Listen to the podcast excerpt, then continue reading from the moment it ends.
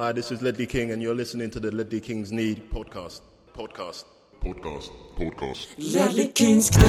Konsekvent, inkonsekvent Ledley Kings knä. Det bästa som någonsin hänt Ledley Kings knä. Du kommer aldrig bli dig själv igen min vän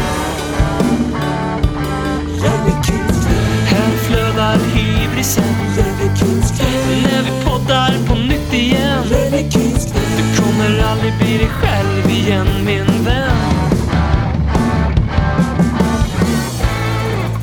Du lyssnar på ännu ett fotbolls-Ledley, nämligen den värmländska radioteatern Ledley Kings knä, live från någon av Sveriges största städer, alltid. Eh, på grund av lite sjukdom så är vi några dagar sena, men nu är vi här och med mig har jag som alltid mannen som delar initialer med Benno Magnusson, Alexander BM. Hur är läget? Eh, det är väldigt bra. Jag jag ska inte låtsas som att jag vet vem Benno Magnusson är. Det gör du inte? Eh, Det är, eh, självklart vet jag det, jag skämtar bara. Han är ju känd för sin tid i Kaiserslautern och Åtvidaberg FF. En av de här brukets krigare. Mm, mm. Tänkte väl. Jag, jag känner att jag vill ju prata allt annat än Spurs den här veckan. Så, så eh, du får gärna fylla på med mer Benno Magnusson kuriosa. Ja, som man säger mer liksom att han en gång när han körde sin bil som var sponsrad eh, av märket Saab så fick han då punktering längs riksväg 18 i Sverige och eh, den som plockade upp honom då var ingen annan än Tord Grip. Och ni som kan redan fotbollshistoria vet ju att Tord Grip har varit instrumental i det brittiska fotbollsundret, alltså som en andra generation därefter Holton och grabbarna. Eh, Och på den vägen var det. Det var liksom därifrån som eh, Benno blev Benno med hela svenska folket och Tor blev Tor. Det var liksom, för det som hände medan de väntade på bärgningsbilen där var att Benno drog fram ett dragspel. Och det här dragspelet väckte en livslång passion hos Tord Grip. Ja, verkligen. Han har ju liksom åkt runt i Värmland och kört liksom dragspelsshower. Men jag visste inte att det var tack vare Benno. Ja, det, det, det, man lär sig något nytt varje dag. Ja. Till exempel som eh, Tottenham lärde sig eh, att eh, spela fotboll det, det är ingenting man måste göra på bortaplan i North London Derby. Utan det, kan man, det är ett val du har. Ingenting är någonsin tvingat. Nej, alltså jag vet ju inte vad jag ska varken tycka eller tänka efter de här två matcherna. Eh, eller så kan jag tycka två saker samtidigt. Det kanske går. Alltså, å, ena sidan, å ena Mm. sidan tycker jag ju att det finns ju liksom eh, Ehm, det finns ju förmildrande omständigheter i båda matcherna. Ehm, jag tycker i den senaste matchen Frankfurt att ehm, det finns positiva saker att ta med. Men å andra sidan så har ju den här liksom naggande känslan med eh, att det dyker upp återigen i ett North London Derby. Inte riktigt är där. Eh, återigen eh, får inte riktigt in bollen, får offensiven att funka mot Frankfurt som ändå ligger lågt. lågt. De, de, det är inte som att de på något sätt eh, använder det här klassiska anti-Tottenham-sättet att spela fotboll på som, eh, som väldigt många lag har blivit väldigt duktiga på på sistone.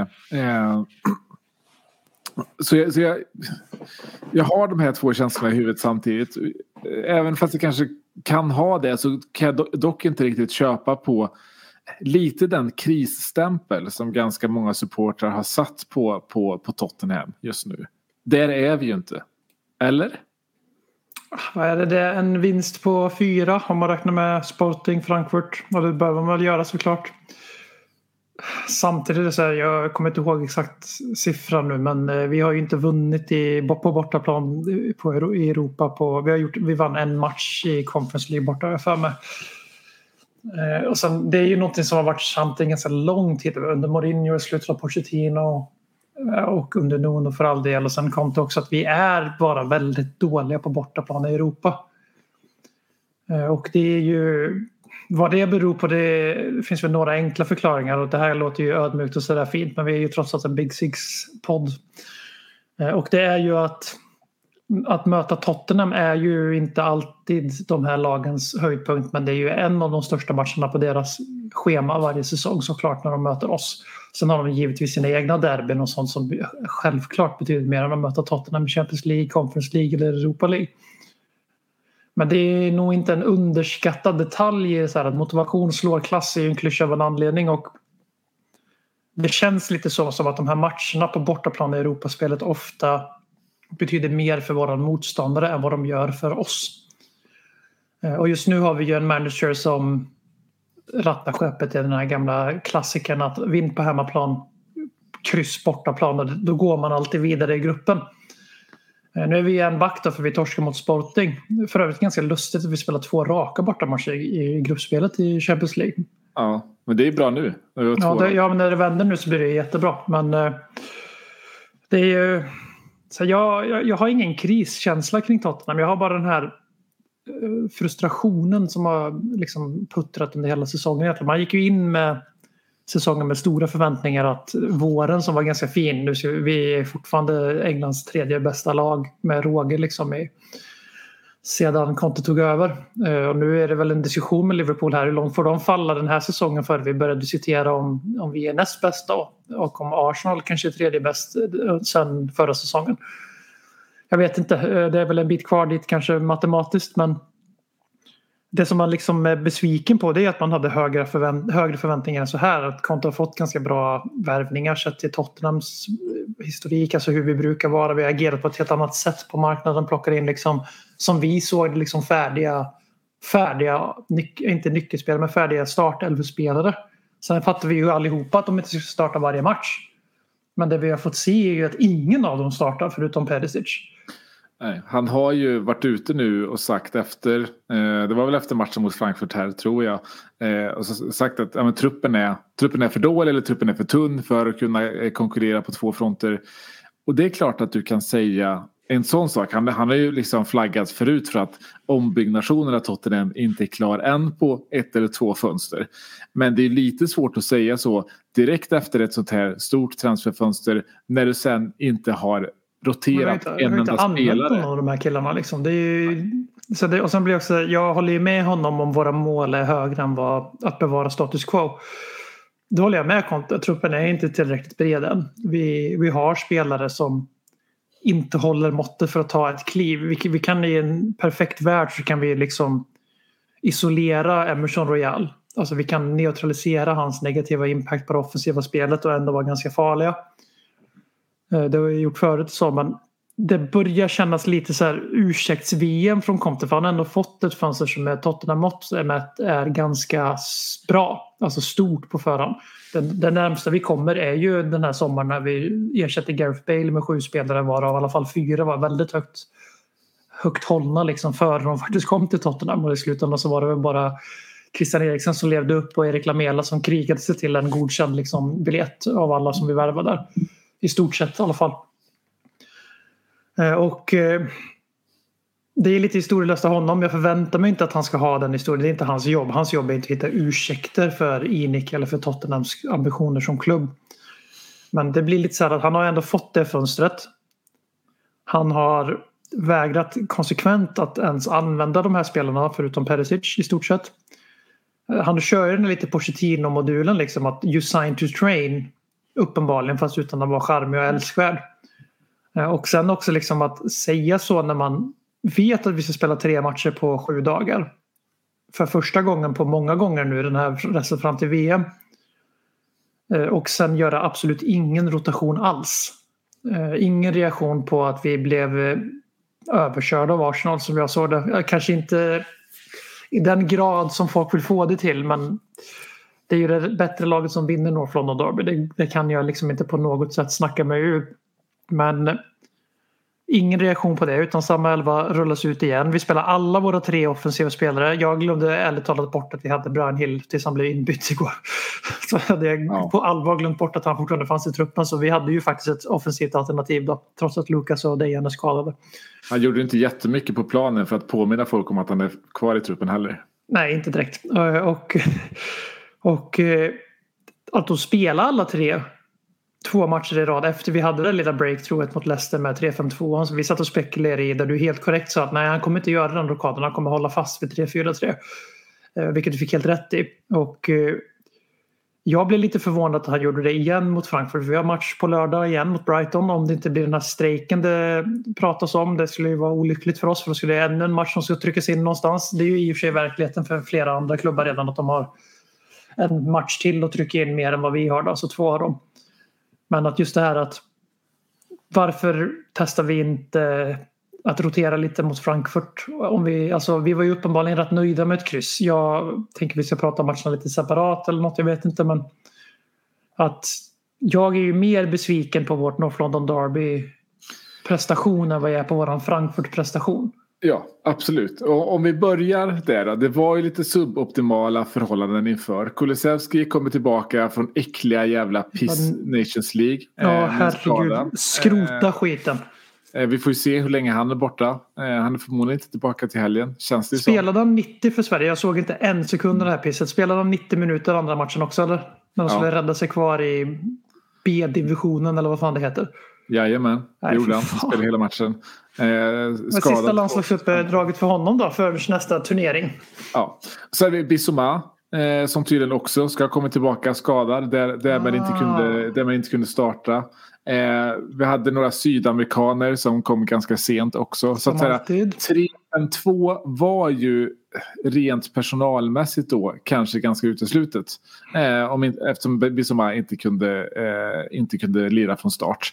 Eh, annars hade det ju, nu när vi inte har Kulusevski, så känns ju 3-5-2 ännu mer givet med tanke på att, ja, det såg man inte minst i Frankfurt-matchen här, att har vi våra tre eh, i, i, i Son, Kane, Richardson på plan, vi har ju inget vapen framåt. Vi har ju på bänken. Vi har ingenting att kunna... Nej, vi kan inte göra, vi kan inte eh, göra någon förändring där. och sen så startar vi matchen lite sådär. Eh, ty, jag tycker vi gör det starkt i att komma tillbaka, eh, kvittera och gör väl andra halvan av första halvlek ganska bra. Där, Eh, där hade vi chansen att vinna matchen. Det, det, det skiftade markant efter våran kvittering. Man märkte att det blev gelében direkt på Arsenal. Och där hade vi, Ja. som Conte sa också, korrekt att om vi gör ett bättre utförande av våran gameplan där så vinner vi den här matchen. Mm. Eh, Och det håller jag faktiskt med om. 100 procent. Så kan vi gå in djupare på det alldeles strax. Ja, och sen, så, sen så direkt i andra halvlek så eh, andra halvlek som börjar lite grann så som första börjar och så gör ju Loris den här tavlan som ju är eh, oförlåtlig på alla sätt och vis. Eh, och där tar det ju inte många, jag kommer inte ihåg hur många minuter det är sen tills, eh, tills Emersons eh, röda kort där och jag känner ju att hade han inte fått det röda kortet. Eh, ganska säker på att vi hade kunnat jobba tillbaka oss precis som vi gjorde första halvlek. Och gör Lloris inte tavlan, ja men... eh, Alltså det finns ingenting som säger att vi inte kan vinna den matchen. För jag tycker att vi som sagt var gjorde en mycket... Vi, vi var bättre än Arsenal andra halvan av, av första halvlek. Ja, det Eh, var vi. Yes. Så det är ju en hel del förmildrande omständigheter i det här. Ja, absolut. Det, det är det ju. Och eh, man ser ju, om man kollar på siffror och så här, liksom, när expected goal-spiralerna liksom visar när målen bör falla. Och, så då ser det ju inte ut så. Då ser det ut som att vi blir demolerade. Eh, men vi hoppas väl nu att alla som lyssnar på oss varje vecka, de får ju höra ganska samma sak. För vi är ju ganska konsekventa i vårt upplägg. Alltså inte vi, vi Tottenham här, utan eller inte vilade i Kings knä här, utan vi som Tottenham. Att vi spelar på det här sättet. Vi, vi riskminimerar, vi bjuder in, vi lockar in motståndaren i de ytor vi vill hugga. Eh, när det sitter så ser det riktigt fint ut. Det här är någonting José Mourinho tog till Tottenham efter Pochettinos lag hade sprungit ihjäl sig och som har väckt fram nya nivåer framförallt i Jong Min Son, kanske Harry Kane. Kane är väl kanske alltid varit så här komplett egentligen sen han fick sina skador som dämpade hans atleticism. Det är lite det som är skillnaden på honom och Dele Alli att när skadorna kom så kunde Kane omskapa sig det kunde inte Dele liksom. Men när det inte funkar då, då ser det ut så här. Jag är på den nivån och nu låter man ju som våra otroligt patriotiska fans som alltid höjer dig till skyarna här men det är ju det här att hade Dejan spelat istället för Rikarlison eller kanske till och med för Son i den här matchen de här omställningarna vi får efter 1 Ja. Eh, fan vet om inte vi gör en eller två strutar till just för att det är en helt annan kvalitet hans li- link-up play eller hans speluppbyggnadsspel än vad det är Men verkligen, vi är ju... De är avslutade båda två, de är inte kreatörer. Nej, vi är konse- Vilket alltså, konsekvent under första halvlek, även innan vi blev bra så att säga, så var vi ju en, en bra pass ifrån ett friläge hela tiden. Alltså Mm. vi kom till sista passen och så, så brände vi den, oftast, oftast sån. Eh, så, så det fanns ju, och det var det, det antar jag det som, som Conte menar, alltså hade vi bara genomfört den delen av, av planen korrekt, ja men då hade vi, vi hade kunnat gå till halvtidsvila med en ganska trygg ledning trots att vi inte var så bra. Eh, och eh, återigen, vi, vi hittar liksom målet ändå. Skulle vi vilja säga någonting här kring att här, vad gäller liksom hela håset kring hålet nu, Håland. Eh, hel, helt enorma framfart i Premier League. Den Ja. det är mest synd om i det är ju Harry Kane. Ja, För, alltså, åtta matcher Premier League. Vad är det? Sju mål och en assist? Eller är det bara en? Ja, Det känns som han har fler men det, ja, det kanske man lever kvar i tidigare. Liksom. Det är ju sinnessjuka siffror han har radat upp här. Ja, han är ju helt- Men helt, det har gått helt under radarn. Ja, det här är ju en kille som brukar starta slött. Alltså, börja, Han brukar ju börja segt i säsongerna. Och nu har Son gjort det istället. Så det det har fått rubrikerna i Tottenham. Sen har det ju varit ett väldigt stort fokus från både tyckare i våran intressesfär, alltså i svenska supporterpoddar. Där det varit väldigt stort fokus på att sätta en krisstämpel på oss. Medan alltså, i mitt tycke, Liverpool smyger rätt mycket under radarn. Men det finns någon sån här inbyggd förväntan att de ska bara någon gång trycka på en knapp. Och demolera upp i toppen. Jag vet inte fan om det är så kring Liverpool men det är väl inte varken här eller där just nu. Men i Tottenham känner jag att det har varit en jakt på narrativet att Tottenham är mycket sämre än vad vi är. Eh, det var siffror efter Frankfurt-matchens i den engelska tv-sändningen om hur dåliga vi är på de här statistiska underlagen, bollinnehav, bla bla bla. bla. Och jag bara, fast ja, fast på samma slide som du har uppe här så ser du liksom att vi har gjort tredje flest mål. Vi har haft främst, mest, flest eller näst flest clear cut chances, alltså farliga målchanser i hela Premier League. Så liksom, det här är ju uppenbarligen ett utfall av en idé. Sen så kan jag Just mot Arsenal-matchen, jag tyckte inte det i lördags för man, man blir ganska affekt och man blir ganska känslosam och man blir ganska reptilhjärna när det är North London Derby. Det, är ändå, det finns fortfarande kvar även om jag tyvärr har hamnat i en plats i mitt supporterskap där jag på allvar sitter och tänker om inte jag hellre skulle se Arsenal vinna Premier League än Manchester City. Eh, för att det blivit, fotboll har blivit så politiserat. Eh, och det är, tra- det är tragiskt, det är kanske en åldersgrej. Jag hade aldrig sagt de här sakerna när vi började med den här podden. Men det är ju liksom det här att vi, vi före Arsenal så satt vi i den här podden och sa att vi ville ha exakt den matchbilden vi fick. Vi ville ha lura in Arsenal, alltså gör som tyska ubåtsvargarna gjorde liksom. Låt de här jävla konvojerna komma in i zonen och så smäll dem. Det var, det var vad vi fick. Sen var Arsenal bättre. Det här, det, det här förtjänas att sägas, även, för vi har faktiskt några Arsenal-supportrar som sjukt nog lyssnar på den här podden. Med tanke på att vi har, liksom typ kommit, vi har varit bättre än Arsenal i stort sett varje säsong som Leddy Kings har funnits. Så liksom att de lyssnar på oss, det, det där snackar vi die hard supporterskap. De är ju inte så många sådana rödvita Londonbor som de reppar ju bara Arsenal när det går bra men vi har ju några då som har varit med oss hela resans väg när vi har varit bättre. Eh, som förtjänar den här delen när jag kommer säga uppriktigt att ett, Arsenal var bättre än jag trodde. Jag har väntat till- tills nu med liksom så här, Arsenal har fort, än så länge fram till våra match misslyckats med det enda testet som hade ställts inför det var Manchester United. Samma United som har jävlare mig tur för att, att City är så jävla ohederliga så de slutar spela i andra halvlek. Annars hade det kunnat bli 10-0 i det derbyt på allvar. Eh, Så att, eh, och det- de förlorar mot det laget. Sen möter de oss och jag tänker vi kommer smälla dem också. Vi kommer ta vår första seger sedan Harry Redknapp på Emirates. Inte ens Pochettino vann på Emirates i ligan. Det, det glöms bort i det här. Eh, Och det är ju det här att jag var helt säker på när jag ser första fem minuterna då var jag bajsnödig för att då flög Arsenal ut ur blocken och vi såg livrädda ut. Men det tror jag man, man, lä, man läser in det som supporter. För man själv är Ja. livrädd när det ser ut så. Vi är uppenbarligen ganska bekväma med det här spelsättet. Det är så Conte vill att det ska se ut. Uppenbarligen, annars är han inte så bra som tränare som vi tror att han är.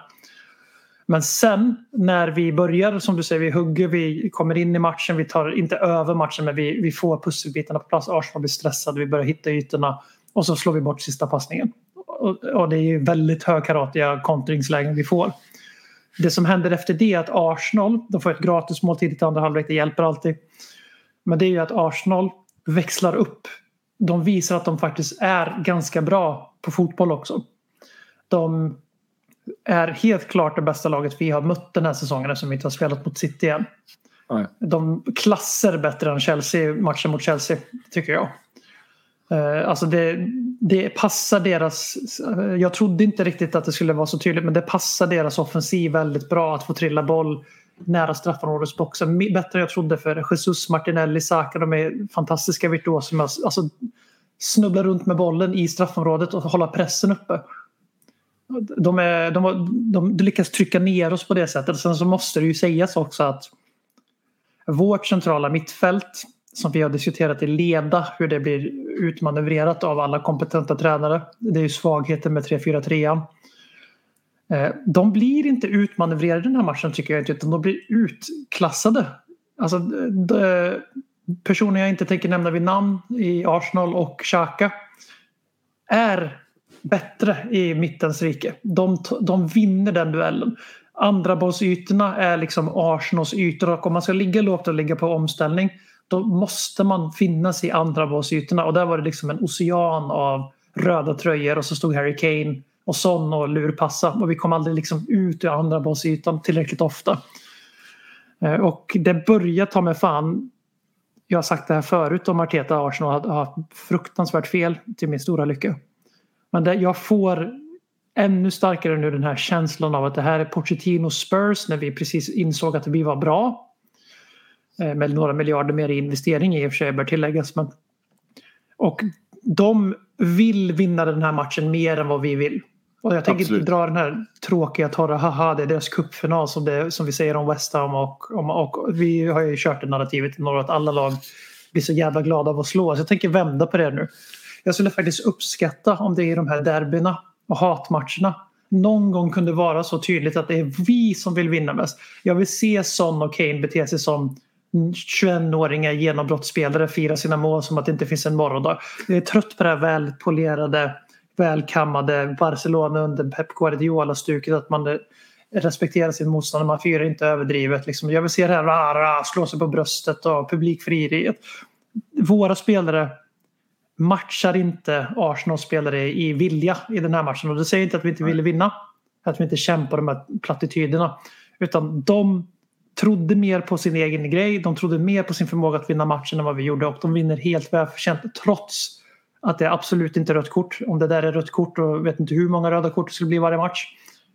Hugo Lloris gör väldigt sällan sådär grova tavlor. Han gör ofta tavlor som har att göra med att han passar bollen åt helvete. Men att han tappar en boll rakt framför fötterna på någon som gör mål, det är, det är ganska sällsynt. Eh, men de förtjänar sin vinst och vi ska inte ta någonting ifrån dem. De var bättre än Arsenal. Eh, de var bättre än Tottenham på dagen. Arteta klarade ett ganska svårt prov och ett ganska viktigt prov för honom att klara för att tas på allvar. Han måste kunna börja vinna matcher mot eh, Big Six. Han måste kunna göra det på sitt sätt och inte ha bonröt eller att motståndaren gör en läggmatch som Chelsea i våras. Och jag tycker att han klarade testet den här matchen. Ja, det är, alltså det är absolut ingen tvekan om att eh, Arsenal var bättre, att de ville mer etc. Jag vet inte om jag köper att det är liksom ett nytt test för Arsenal att ha klarat. Det, det är det väl för den här säsongen. Ja, jo, Men jag, men men jag tänker liksom så här att det här, alltså, men, men, men, men det är inte ett, ny, ett nytt test som det, det här Arsenal-bygget har klarat av. För de har ju, det, de har ju tvålat dit oss i varje hemmamatch när man mött oss i ligan under, eh, un, under Arteta här. Eh, det är ju, vi är ju de enda i Big Six som de lyckas plocka fram den där glöden. Och så, och så gör vi tvärtom på hemmaplan och så är vi lika dåliga mot Big Six som dem. Förutom förra året med Conte då. Exakt, exakt. Eh, så att säga, ja, alltså, det här Arsenal har, det har inte bevisat sig med, det här, med den här vinsten. Eh, på ett lång, I ett långsiktigt perspektiv, eh, tycker jag. Eh, däremot är det ju väldigt eh, uppenbart att eh, man, man, man, man, kan, man kan inte snacka ner dem längre. Så nu, nu är de ju på riktigt. Sen tror Ja, jag riktigt. fortfarande att det är oktober månad för dem som är otroligt viktigt. Eh, de har ju eh, inte en, till, en, så bred trupp som man trodde att de skulle ha efter transferfönstret stängdes.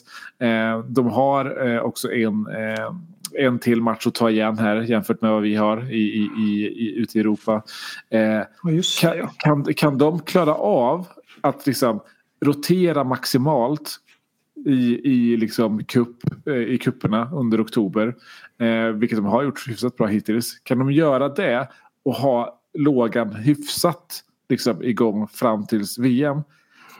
Då finns det få saker. Då, då ska man vara orolig på riktigt. För att Arsenal efter VM kommer ha en ganska fräsch trupp.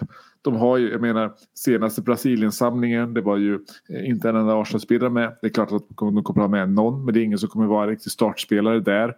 Eh, eh, eh, som jag nämnde vid namn. Men, men, han är ju inte någon som kommer stanna kvar länge eh, i VM.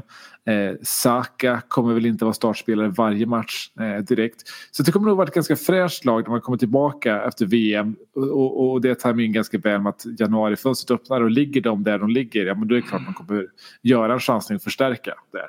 Eh, så jag tror att det är en extremt viktig månad för dem nu framåt. Men vi är ju inte så långt efter. Nej, Vad det är för bara fyra poäng. poäng i ligan. Eh, vi har ju förhoppningsvis både en och två växlar till eh, att, att, att kunna lägga i här. Eh, men på det där röda kortet då.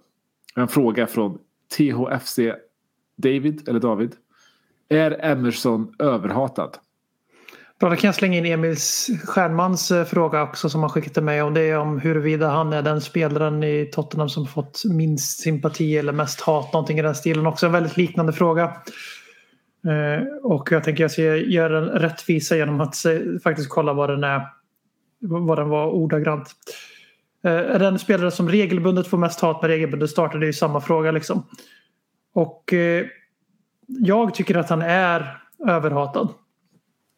Eh, Jag vet inte om, jag tror att det har gått igenom rutan men vi har ju gjort en liten poäng av i den här podden att bära hans fackla. Och det har varit ganska ironiskt. Vi, vi hade den här streaken där när vi pratade om att det måste ju vara Emersons briljans som gör att det är bara den som spelar till höger anfallet som gör poäng. Exakt.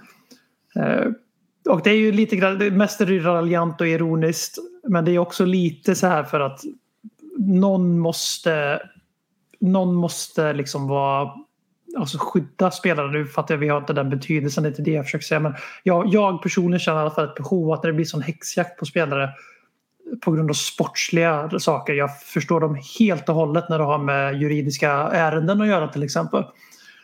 Eh, även om man är oskyldig tills motsatsen bevisas i juridisk mening. Eh, så är det så här att det här är en kille som tror att han är född 99. Han har haft två tränare i Tottenham. Alltså alla de här grejerna. Det är så här, de ursäkterna vi använder till alla andra de gäller inte honom. Han har blivit symbolen för frustration. Alltså han får ta all frustration. För det är fortfarande så här, Conte är fortfarande ganska fridlyst. Det börjar bli en del röster som höjs mot Conte. Det var någon dåre som ringde in till Talksport till exempel och sa att sparka honom nu och ta hem Pochettino. Och veckan var bara, nej vi ska nog inte sparka Conte. Det, det, det, det, nu ska vi inte ta i, ta i här utan lugna ner oss lite så kommer vi ihåg jaha fan vi är fyra poäng från ligaledning och eh, vi har förhoppningsvis en växel eller två att lägga till. Har vi det så kommer vi bli tvåa i år ser det ut som. Jag tror fortfarande att vi pratar om Arsenal för att hur på riktigt de är. Jag vill vara tydlig med i min kontext så pratar jag om att Arsenal kommer komma topp fyra som slutmål. De kommer absolut inte vinna ligan om inte City går bort sig rejält. Nej, nej, nej. Det finns ingen som... Och går City. City bort sig rejält då måste vi hugga. Vi har, vi har, varit, vi har varit i de sitsarna förr och inte huggit. Eh, Och eh, i Emersons fall här då, han har ju blivit kanalen för frustrationen, utloppet för den. Det blir så självklart att han tar ett rött kort då han blir syndabock och det blir han med all rätta för jag tror som du att det är ju inte alls vi, vi ger ju upp matchen efter att han får rött kort. Det är bara att kolla på Contes byten som inte går att försvara enligt mig. i Ett North London Derby, en klubb med motto to dare to do. Då Men han sa, ju, han sa ju också att matchen var förlorad. Där. Ja, ja och det, det, det hedrar honom. Men man byter fan inte ut sina offensiva spelare i ett North London Derby och ligger under. Det är inte i Tottenham. Då respekterar man inte vad klubben står för. Sen så vet jag att det inte det funkar så i modern fotboll. Men skitsamma, jag vill ha det sagt. Och Royal har ju blivit hackkyckling, har varit det länge. Jag står ju envis fast vid att folk letar efter, alltså folk letar efter saker som han bara inte har i sin arsenal. Han får skit för att han inte är eh, alltså, alltså, Hakimi i stort sett. Han kommer aldrig vara Hakimi. Det är inte den spelaren vi värvade. Han kommer på sin höjd bli en habil wingback. För att hans styrkor ligger i det defensiva. Det är ju folk narr av också. Jag ser bara kolla på hans siffror. De är väldigt, väldigt bra defensivt. Ja, han gör bort sig. Ja, han blir utpekad mycket för att han får alldeles för mycket bollinnehav. För det är en taktisk detalj. Motståndarna är inte dummare än vad vi är. Om vi upptäcker att, att han är en svaghet så är det, kan man då styra spelet till honom. Så gör man det givetvis. Eh, Och sen ja, han, eh, han eh, håller inte i en start där, va, om vi ska ta ett kliv. han håller bevisligen i en startelva för att vi ska bli topp fyra i, Premier League. För det har han redan visat en gång och vi hade en sämre trupp förra året. Än vad vi har nu. Mycket sämre. Och liksom kan argumentera för att måste... det var Doherty som, som löste den, den pucken. Ja, fast han blev ju skadad då. Sen så spelade Royal in, spelade i slutet. Sen dog Doherty och försvann från jordens yta. Det är en annan fråga. Men alltså det här att han får skit för att han inte är någonting han inte är. Alltså man, jag tycker det är lite dubbel bestraffning. Och sen också så här. För mig är det, det är tränarens ansvar. Om du har en square peg och du måste stoppa den i ett runt hål och du fortsätter göra samma sak varje gång. Det är definitionen av galenskap. Det är så här halvsamt citat från, som tillskrivs Einstein ungefär. Eh, och jag kan ju inte tänka någonting annat än att Conte gick ju ut till ett icke-försvar av Royal i veckan där han liksom förs inte försvarade honom egentligen men däremot sågade hans konkurrens rätt ordentligt. Och han sa ju saker som att ni vet inte vad jag vet. Vilket fick det att ta så att Royal måste vara en jävel på träning. Men det jag vill bara... Ska jag, jag kan ju läsa upp eh, citatet vad, vad, vad Conte sa här. Eh, Gör det. Om, eh, om Doherty. Eh, Doherty last season played every game. Now I'm not seeing him in the right way to start the game. I'm not stupid. I don't want to lose. I try to put the best team to pick. I try to put the best team to pick the best team. Ja, ja det är lite konstig engelska.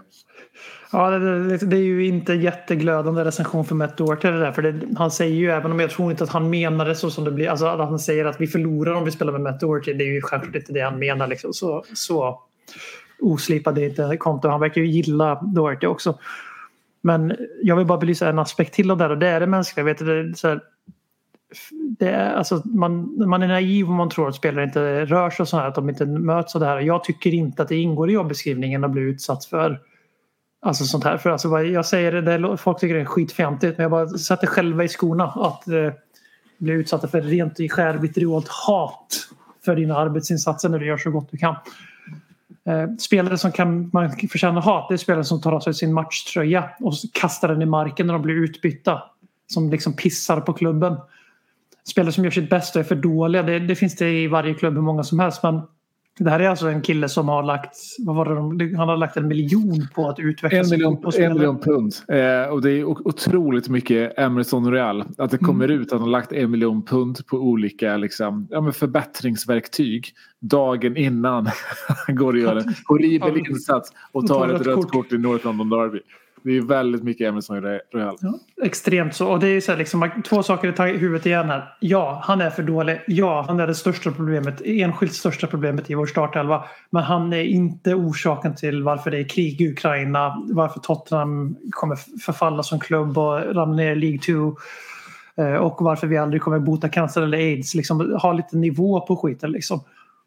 Det är fotboll vi pratar om och eh, låt oss vara ärliga här. Folk satt och letade hela Frankfurt-matchen efter att han var dålig. Det var ganska många i den här starten som var betydligt sämre än Emerson Real mot Frankfurt och det har det varit i de flesta matcher den här säsongen. Ja, jag, ty jag tycker snarare i Frankfurt-matchen att det tog ett kliv till och var, var liksom hyfsat, hyfsat okej eh, i den matchen.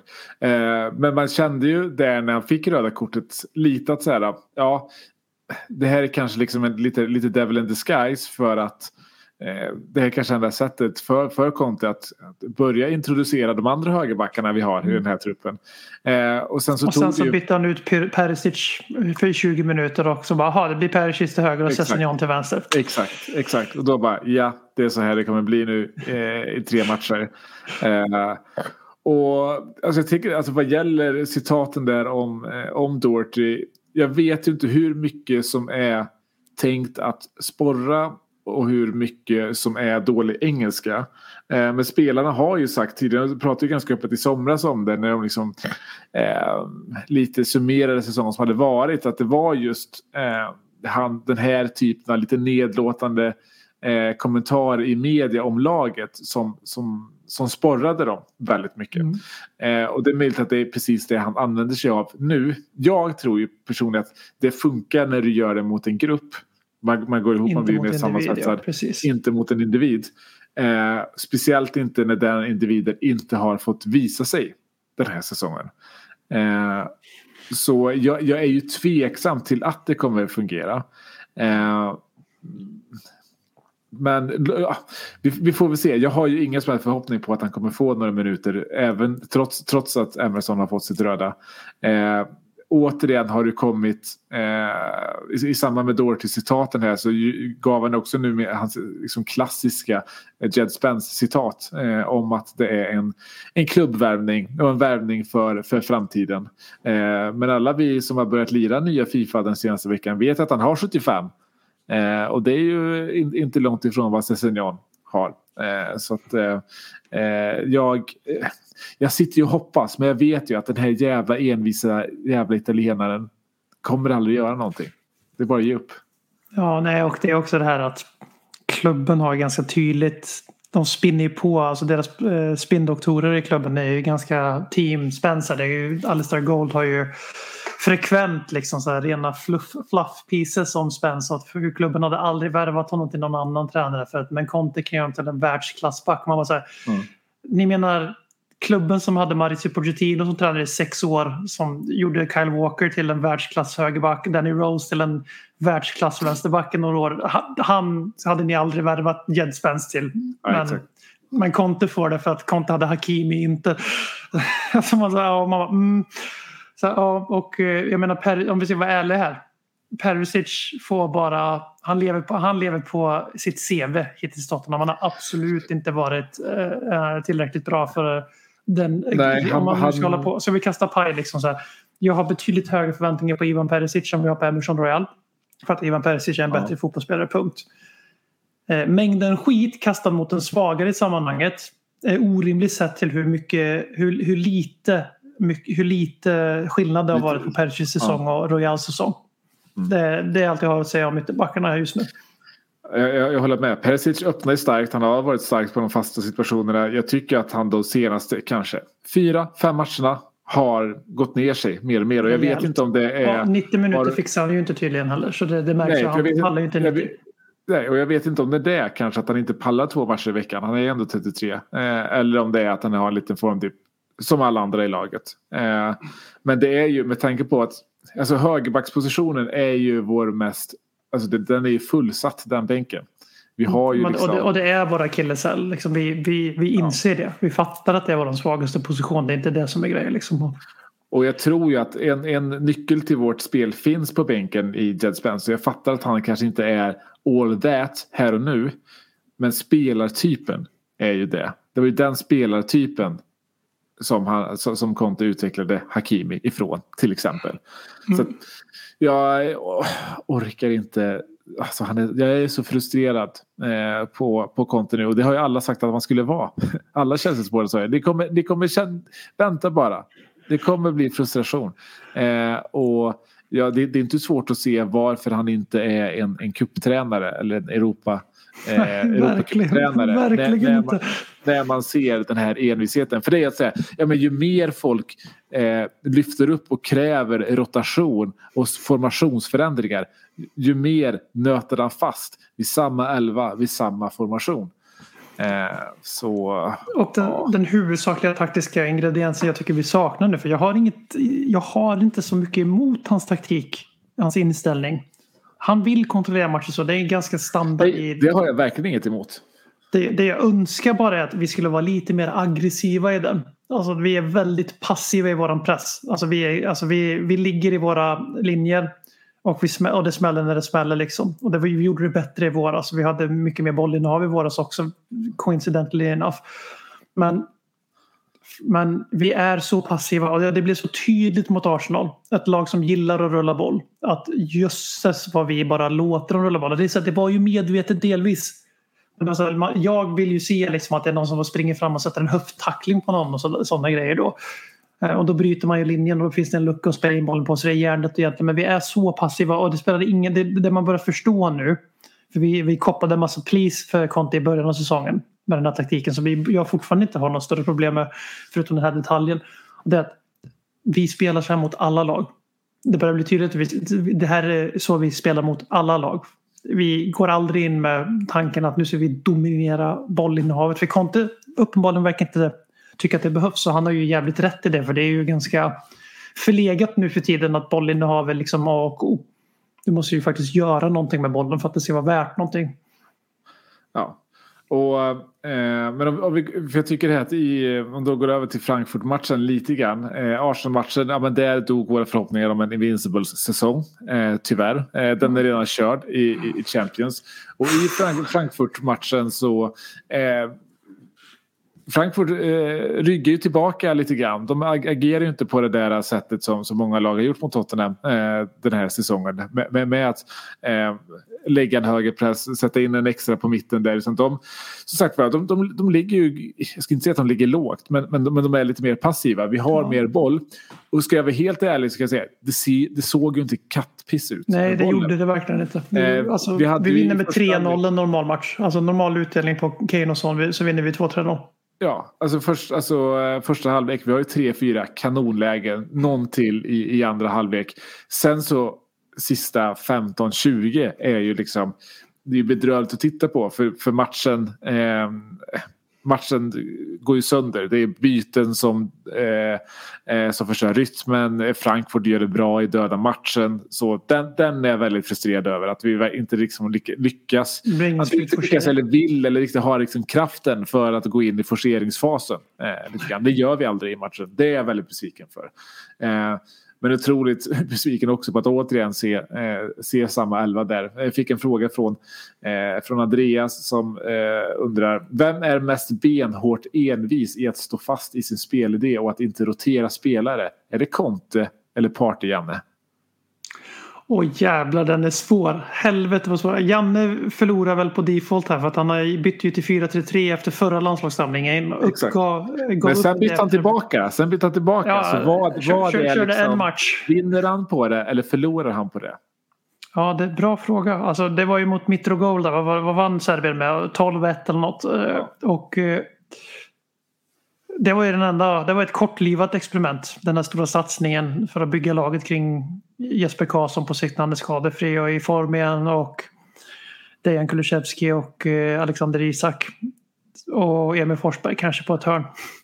Det varade inte så länge och eh, jag vet inte. Alltså det, Janne har ju så här, han får ju massa gratisgrejer som Conte inte får. Till exempel att vi nu har en mittbacks, ett mittback, vi har ett nytt mittbackslås varje match i landslaget. Vi säger jag som att just, Sverige har ett nytt eh, mittbackslås. Där Isak Hien kommer in och har gjort så här 15 minuter i Djurgården, 15 minuter i Hellas Verona. Tokgiven jävla kometsäsong han har gjort. Men så jag vet inte men eftersom att Janne bara gör det för att inte blir den här mest den här enbitna, envisa värmlänningen som ska göra allt annat. Sen tön, en stönig jävel som vi säger här. Han, ty, tycker att han är värmlänning? Där man som beter sig stönigt. Det är Värmlands uttryck som Ja. jag tror betyder envis. Jag är inte helt säker på det. Jo, men det, det stämmer. Eh, Och eh, det blir ju så här falskt då att hålla på och låtsas det, hatta runt med grejer bara för att inte vara sån. Och då blir det ju så att då vinner ju Janne faktiskt över Conte. Men vi, kan säga Ja, så här, jag, tycker, jag, tycker två... Conte, jag tycker tvärtom. Jag tycker Conte är mil före Janne. För, för, eh, he- alltså det som Conte vinner på är ju att han gör inte det här två, tre gånger om året. Utan han gör det två, tre gånger i veckan.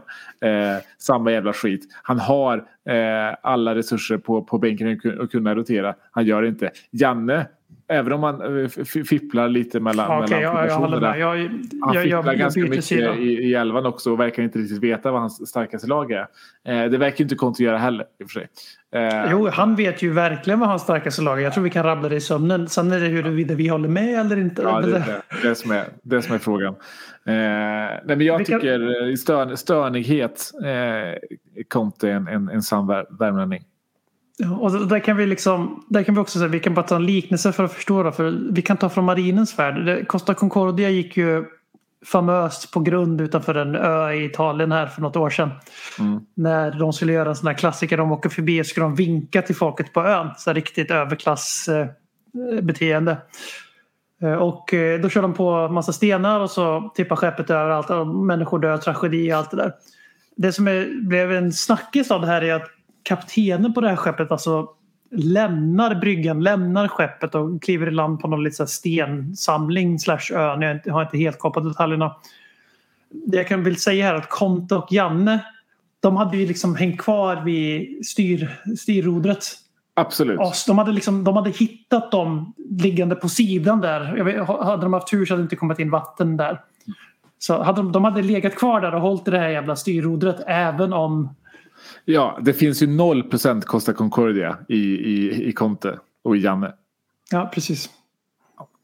Eh, men det satt också, alltså, vi tar, det har ju varit ganska mycket snack nu också kring hur Tottenham då saknar lite kreativitet. Kanske då med, med tanke på eh, att Dejan inte var med i Arsenal-matchen och hittade de där sista passningarna som, som det, det var han som hade gjort. Men jag tycker att de här lägena vi skapade mot Frankfurt visar ju kanske att ja, men, det är kanske inte det som, som saknas i den här matchen så, så var det tvärtom. Det var anfallstrion som när de väl fick sina lägen inte satte dem. Det var ganska intressant. Jag såg, det var någon eh, eh, app eh, jag använder för eh, resultat och statistikinhämtning som, som betygsatte alla spelarna. Väldigt roligt att se för he- hela laget från sig, från Loris backlinje mittfält, gröna siffror. Så sju, sju uppåt på en, på en 10-gradsskala. Eh, och fronttrean eh, gulröda siffror allihop. Eh, det var ganska talande för, för matchen eh, kan jag tycka. Jag, jag tycker att eh, eh backtrean, eller vad man ska kalla dem, gör en ganska bra eh, match. Jag tycker eh, Longley eh, gör det väldigt bra eh, i den här matchen. Jag tycker distributionen fun, fun, fun, eh, funkar helt okej eh, ändå. Eh, det var åt, återigen eh, Kane, vi kan inte säga att han är i dålig form med tanke på att han har gjort sju mål. Och är Jag tycker Kane var på, på ett, ett stepp högre än både Son och Richarlison också. Ganska tydligt enligt mig. Ja, han ska inte ha lika mycket skit som de är efter den här matchen. Nej, men, men, men Son gör ju kanske sin... Alltså, jag- jag- Det känns som att de säger det ofta nu, men att han gör sin sämsta match på säsongen. Eh, för han, han eh, tappar återigen väldigt många, eh, många bollar i viktiga lägen. Han ska göra ganska enkla mottagningar, enkla passningar. Man trodde ju efter Leicester-matchen att nu är han igång. Eh, så, har han ett landslagsuppehåll där han gör två mål, eh, varav ett sjukt jävla drömmål. Och så kommer han såklart tillbaka från den här samlingen och har tappat formen direkt. Ja, och en sak som, det var, jag kommer inte ihåg vilken eh, lyssnare det var nu tyvärr, men i Parrots pågar som poängterade att Son är en väldigt dålig pressspelare. Ja. Så jag tänkte lite på det mot Frankfurt och jag, jag ser det fan alltså i hans nya roll som nia eller måltjuv. Alltså jag, han, är, han är någon så modern form av Pippo Inzaghi för mig för att han gör, bidrar inte alltid så mycket. När han är som bäst så bidrar han inte alltid så mycket i vår speluppbyggnad. För att han är den som avslutar speluppbyggnaden. På ett sjukt dundrande jävla sätt i vanliga fall. Men han har börjat ta sig friheterna av Pippo Inzaghi också med att försvarsarbete det är fan med, man gör, man gör det plikttroget och vi kommer ju alla ihåg den här Son Loris incidenten där Loris får frispel för att Son släpper sin gubbe i slutet av en halvlek liksom och inte tar backtracking. Och jag tycker mig fan se det att alltså presslinjen leds, ju nästan alltid av Kane. Och Dejan och Richarlison är ju båda två jävligt laglojala. Vi, det har vi haft tidigare också i Erik Lamela framförallt och Christian Eriksen. Som liksom man löper in i väggen för pressspelet. Eh, framförallt under våra hejdagar. Son gör inte det Liksom, utan det är så lite alibi-löpningar, det är alibi-ytstäckning. Liksom man avskär, skär av en yta men ändå inte riktigt. Och sen som du är inne på, framförallt det här att, i det offensiva, att han har tappat sin touch. Vad fan har hänt med hans touch? Han brukar ju vara liksom Benny Guldfot. Eller Sonny Guldfot, för vi har redan en Benny Guldfot. Men den är ju helt borta och vi får ju, det måste ju vara en självförtroende-grej. Men man hade ju tänkt att ett hattrick på 13 minuter mot Leicester skulle lösa den biten, men tydligen inte då. Ja, fan jag kastade in dem i ett femteslag. Tänkte nu kör vi. Nu är det, det är liksom eh, det är lugna puckar det här. Eh, men herregud vad frustrerad jag blir på, på dem. Är, är det... Han, han är ju säsongens besvikelse, inte Ja. Emerson Royal. Ja, ja, det, ja, det är definitivt. definitivt. Sen är frågan, jag vet att vi snackade om innan det lossnade för honom nu mot Leicester så pratade vi lite om att säga, ja, men man kanske inte kan bänka honom nu. För att, eh, och det kanske är rimligt att bänka Dejan till förmån för Richarlison. För, för, eh, alltså, Dejan har varit bra, han tar inte en petning personligt. Eh, det rubbar inte så mycket på hans form. I sånt fall är det med att vi måste vänta på att eh, han träffar rätt. Han ska få chanser i varje match tills han väl gör det. Och nu har han ju faktiskt fått den chansen. Han har träffat rätt. Men nu går tillbaka lite till den här formen. Nu är det ju mer okej att faktiskt peta honom när, när Dejan är tillbaka. Jag blir väldigt förvånad och frustrerad återigen om, om, om, om så inte blir fallet. Eh, ja, jag vet att jag kommer bli eh, besviken och frustrerad. För det, det är det jag har att vänta mig. Richarlison är ju också bättre till vänster så det är ju bara det enda rimliga egentligen om man ska vara. Någon av dem behöver ju sitta på bänken på lördag om Dejan är frisk av många skäl. Eh, och det ska ju vara så. Men jag tror precis som du att Son är för integral i hur Conte vill att vi ska spela. Han är väl den enda spelaren vi har som är tillräckligt bra i djupled. För det är varken Richarlison eller Dejan. Är ju inte, det är inte, alltså Richarlison är ju bättre än Dejan i djupled men de är inte, de är inte Pippo Inzaghi i modern form. Eh, så det kommer ju vara, det kommer ju vara som okej. Okay. Och Dejan gissar jag om han är fit. Men ja, nu är jag ju på ditt spår här att det, det, han ska nog kanske alltså petas, alltså på riktigt petas. Inte alltså det som han gjorde inför Leicester som han kanske till och med oavsett om han kommer in och okej, jag fattar ju gör en hattrick igen på bänken från Brighton så kommer vi inte säga så här nästa vecka. Men det gör han ju förmodligen inte. Man gör ju sällan hattrick från bänken. Men även om man skulle hoppa in och göra ett 3-1 mål i 83 minuten så kanske han ändå ska sitta på bänken matchen efter det bara som en ren liksom och lite samma börjar det bli för om vi tänker på rotationen i Tottenham så det är ju bara våra mittbackar som roterar och vänsteryttern ibland. För det är ju Romero, Sanchez, Langley, Davis. Central, centralblocket är ju Dyer, Bentancourt, Höjberg, Kane, tokgivna. Emerson Royal tokgiven. Och sen Son och Kane. Och så, så lite rotation mellan Dejan och Richarlison. Det är ju för få spelare. Vi kommer liksom till skillnad från Arsenal som du tog upp förut som kommer, om de överlever oktober alltså överlever fram till VM i stort sett så kan de, faktiskt skulle de kunna stjäla VM, alltså ligatiteln på grund av att City kommer ju vara helt City kommer ju vara döende på fötterna efter VM. Eh, De, de siktar nog på att gå ganska långt i alla kupper och de har redan ett ganska stort spann ner till det laget jag tror de tar som sin riktiga utmanare vilket är Liverpool och kanske Chelsea. Vi kommer vara i en liknande sits. Vi har sämre bredd än City. Och Arsenal kommer kunna känna fan vi kan ta det i år. Och så gör de en Leicester. För det kommer fan med vara som en Leicester. För då blir det ett lag som slutar åtta flera år i rad. Som, som blir de fem och vann ligan. Och då får vi veta att drömmar kan uppnås även i fotboll. Ja, och eh, lite drömmar kanske vi behöver det för att ta oss vidare från, eh, från den Champions League-gruppen. Då. Eller kanske inte riktigt. Eh, det är, vi har ju turen nu att eh, eh, Marseille verkligen tvålade dit Sporting efter en av de sämsta målvaktsinsatserna man sett någonsin eh, från Sporting, eh, målvakten. Eh, nu har ju Sporting leder ju gruppen på, på sex poäng och så är det vi på fyra poäng, så är Frankfurt på fyra poäng och så är Marseille på tre. Det är en otroligt jämn grupp, vilket är bra för oss eh, i det här läget vi är nu. Nu har vi två raka hemmamatcher. Vi har Frankfurt nästa vecka, det är bara att hämta hem tre poäng där. Sen har vi Sporting hemma eh, efter det. Det måste, måste, sex poäng. vara- måste, så att förhoppningsvis står vi ju eh, med, med första platsen eh, in, inför Marseille borta i sista, i sista omgången.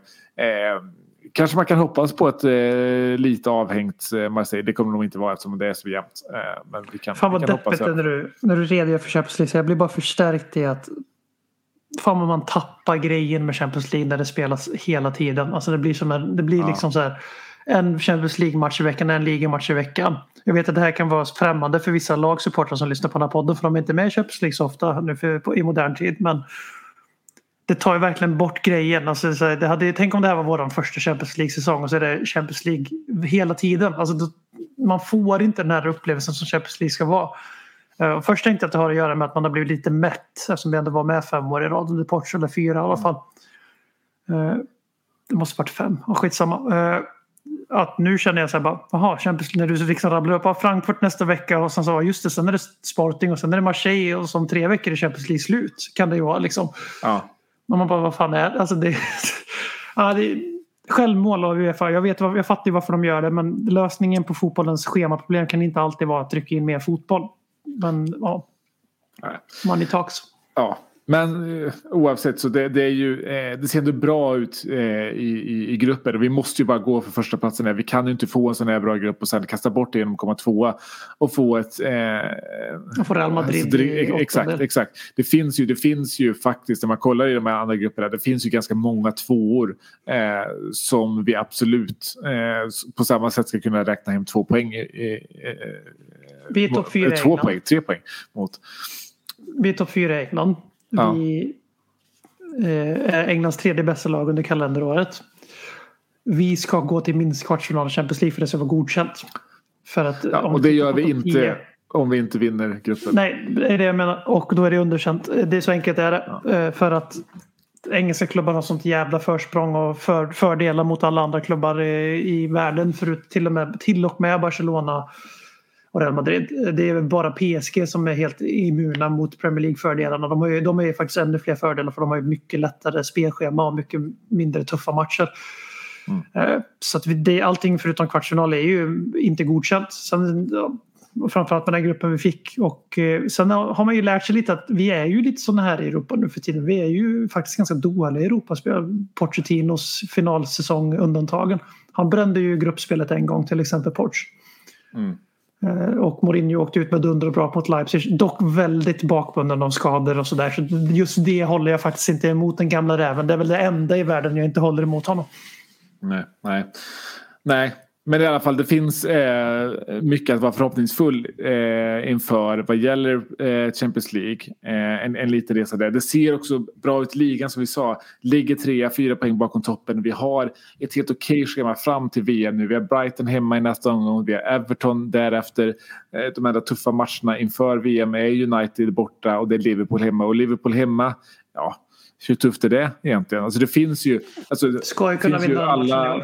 Ja, vi skulle ju faktiskt kunna gå in till VM-uppehållet och ha en ganska cementerad tredjeplats. Vilket hade känts fantastiskt. Eh, verkligen. Ja. Med, tanke, med tanke på hur det har sett ut fram tills nu. Ja, och vi får komma ihåg här att inför säsongen City, Liverpool, egen kategori. Chelsea ska vara bättre än Tottenham. Nu, dock den här säsongen lite förmildrande omständigheter med tanke på kaoset. United, mm, inte så rättvist mot dem eftersom att de gör en ny renovering som vanligt. Sen fick han ju trots allt sina miljardspelare. Så då blir man så här, ja fast då kanske man ska ha lite krav också. Ja, och eh, sen det är ju liksom grejen att våran säsong ser så grå som folk tycker. Det är ju, det är ju enbart för att Arsenal är så jävla bra. Det, alltså det är verkligen det. Det, kan inte, alltså, det är inte en nykter analys av Tottenhams mående utan det är att man är onykter i sin depression över Arsenals framgång som gör att det liksom färgar våran säsong så mycket sämre än vad den är. Eh, enligt mig. Ja, men det, är, det, är faktiskt, det, är faktiskt, det är faktiskt väldigt sant. Eh, jag har inte tänkt på det så. Men, men eh, jag tror att man, måste, man, man jämför Tottenham och Arsenal eh, ganska ofta. Eh, och att det är just att sätta dem i paritet som gör att det blir krisstämpel på Tottenham när vi bara är fyra poäng bakom en tredje plats. Alltså hade Arsenal inte varit det, hade Arsenal eh, liksom varit gamla vanliga Arsenal. Man hade, Ja, så att det var eh, Liverpool som låg på Arsenals plats. De byter plats med varandra. Exakt, exakt. Jag menar då är nog ingen som eh, sätter någon krisstämpel på Tottenham. Det tror jag inte. Nej. Det- inte på Arsenal heller för den delen. För de har lite lägre förväntningar av alla i mediakåren tydligen. Mm. Art- Arteta gör väl bara sin sjätte år eller vad fan det är. Ja, ja du måste ge dem tid. Vet du. du måste ge dem tid. Han har ju knappt börjat. Ja, fan, Conte har ju varit Eh. nästan lika många månader som han har varit år. Så det är dags för Conte att steppa upp nu. Ja. Eh, men eh, vi kanske säger så. Eller? Nej, jag har, jag har ju förberett en liten, en liten eh, eskapad här för, först. Okej. Ja. Eh, Det här var ju någonting vi tog fram i desperation för att se, vi inte ville prata om Tottenham så, så gjorde vi det ändå. För att vi är skadade. Jag ville egentligen prata om Borås, alltså poddens adopterade stad. Vi är ju numera officiella ambassadörer för staden Borås.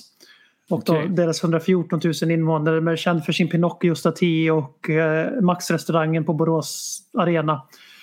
Eh, Vi är emot plastunderlag i fotboll men allting annat i Borås står vi bakom. Och vi vill att ni går in på visitboras.se och så skriver ni koden LKK 26 så får ni Det 26 hade varit ett, anledningar att inte åka till Borås. det Så varit har, ett, vi sagt, ett otroligt samarbete. så har vi det sagt också. Men jag tänkte så här. Jag kollar ju på en del. Jag är lite nördig vid sidan om. Jag Ja. var inte bara fotbollsnördig utan jag är även nörd inom andra. Och en sak som börjar tynga mina axlar som jag tänker är lite samhälls... Ett, kvitto på hur samhället mår. Det är denna extrema frustration kring alltså vad heter det, underhållningsmedia. Ja. Eh, Och då är det, så här, det är några tv-serier. Det är egentligen bara två men jag vill ha tre frågor så jag har krystat in en tredje. Ja. Eh, som liksom väcker ramaskri på nätet och folk blir så vansinnigt upprörda. Eh, Så jag ska kolla här nu, det här kan falla jävligt platt för du kanske säger nej på de två första frågorna och då finns det ingenting för mig att säga här. Men vi, testet heter Hur woke är Per Frykebrant i alla fall. Okej. Så får vi ja. se här. Kan jag börja med att fråga så här, så vi, har du hört talas om Game of Thrones, Sagan om ringen och sådana här grejer? Du vet vad det är? Mm. Mm. Yes. Har du sett originalserien av Game of Thrones och filmerna Lord of the Rings? Eh, filmerna Lord of the Rings har jag inte sett Game of Thrones. Då faller den första jävligt platt för då tänkte jag fråga dig om House of Dragon, den här prequel-serien. Då släpper Ja. vi den. Okej. ja. Så, har du då hört talas om att det nu finns en prequel-serie till Sagan om ringen via eh, streamingtjänst? Den kollar jag däremot på. Du ser på den? Ja. Bra. Då måste ju, det här blir en ganska rak fråga. Nu, politikern i det måste komma fram. Så alltså, frågan lyder, ser du på Rings of Power? Svaret är Ja. ja. Ja. Om ja, är du arg över att det är så många repres- minoriteter representerade i tv-serien? Eh, nej. Okej. Mm. Då går vi till eh, avslutande här. Då är, du, då är du väldigt woke nu då måste jag säga. Ja. Eh, och då är min nästa fråga här. Vad är din åsikt om författarinnan J.K. Rowling? Hon skrev Harry Potter för den som inte vet det. Ja, eh, men det känns ju som någon som har tappat det. Eh, ändå. Och det är ganska många som har gjort det på, eh, på äldre dagar. Det är, väl, det är väl min åsikt om det. Jag har ju inte, jag har inte läst Harry Potter-böckerna. Jag har väl läst första boken. Och du har Eh, sett så det är filmerna väl- misstänker jag. eh, Nej. Inte det heller? Inte det Ja, heller. det- Fan vad allmänbildad du var. Jag, jag hade aldrig uppfattat att du inte hade att du inte hade läst, äh, sett filmerna ens när du började direkt. För, det- för det, du reager, det du tar upp här är ju då hennes transfobi som har- har lyst igenom på Twitter de senaste åren. Ja, jag vet inte om det är så mycket bara det. Utan det känns som att hon har liksom tappat det inom en, en, en rad områden. Eh, inte för att jag kan dra upp något, något exempel nu. Eh, det är mer bara en känsla jag har att hon har tappat i andra områden också. Så, så, alltså, det här och det, här, ni inser att jag egentligen har det i början av avsnittet. Men nu, det jag måste slå fast här, nu är det att Per är ju då så kallad woke. Och Ja. nu tänker jag slå ett slag för sådana här begrepp. Alltså woke är någonting negativt att vara och det finns exempel på där, där det är lite foliehattigt. För att använda ett annat begrepp. Men för mig är det så som på, begreppet PK har ju blivit ett skällsord. Mm. Och nu börjar woke också bli det. Men alltså jag tänker så här att Lilla Sjöjungfrun var ju på tapeten här om veckan. Att det var ju ramaskri över att det var en så kallad minoritetsperson, eller people, person of color som, som eh, spelade, vad heter hon, Ariel. Mm. Och jag blir bara så här, jag tänker vad är det för värld vi växer upp i? Där Arsenal är bättre än Tottenham på fotboll och där folk lägger sin dyrbara tid på att hata på att unga flickor och pojkar får växa upp och se sig själva representerade i deras favoritunderhållning. Jag vet inte jag, men det är inte en värld jag vill leva i. Så nästa gång hoppas jag vi vinner North London Derby. Eh, jag kanske missade det. Skulle, han- skulle det här ha någon Boråskoppling? Det här quizet? Det lämnar vi till lyssnaren och Ja, i, så fall har jag, I så fall har jag missat kopplingen. Jag trodde att det var, för jag såg, jag såg någon liten rubrik på Aftonbladet om att Paradise Hotel kallades för liksom, Hotell Borås eller något sånt där. Eh, så jag trodde att det var på det. Så tänkte jag, här, fan, här kommer jag, här, här kommer jag vara med. Det här kommer jag kunna. För du har varit i Borås. Alltså jag, jag vet inte. Eh, jag har absolut eh, åkt igenom det. Eh, Får, jag krydda podden med en sån här BM 2 plus anekdot? Det får du absolut göra. Eh, Eftersom att du nu förstörde min jättefina, jag försökte rädda upp det här med en politisk avslutning på podden eftersom Ja. att jag insåg att det här quizet presenterades mycket svagt.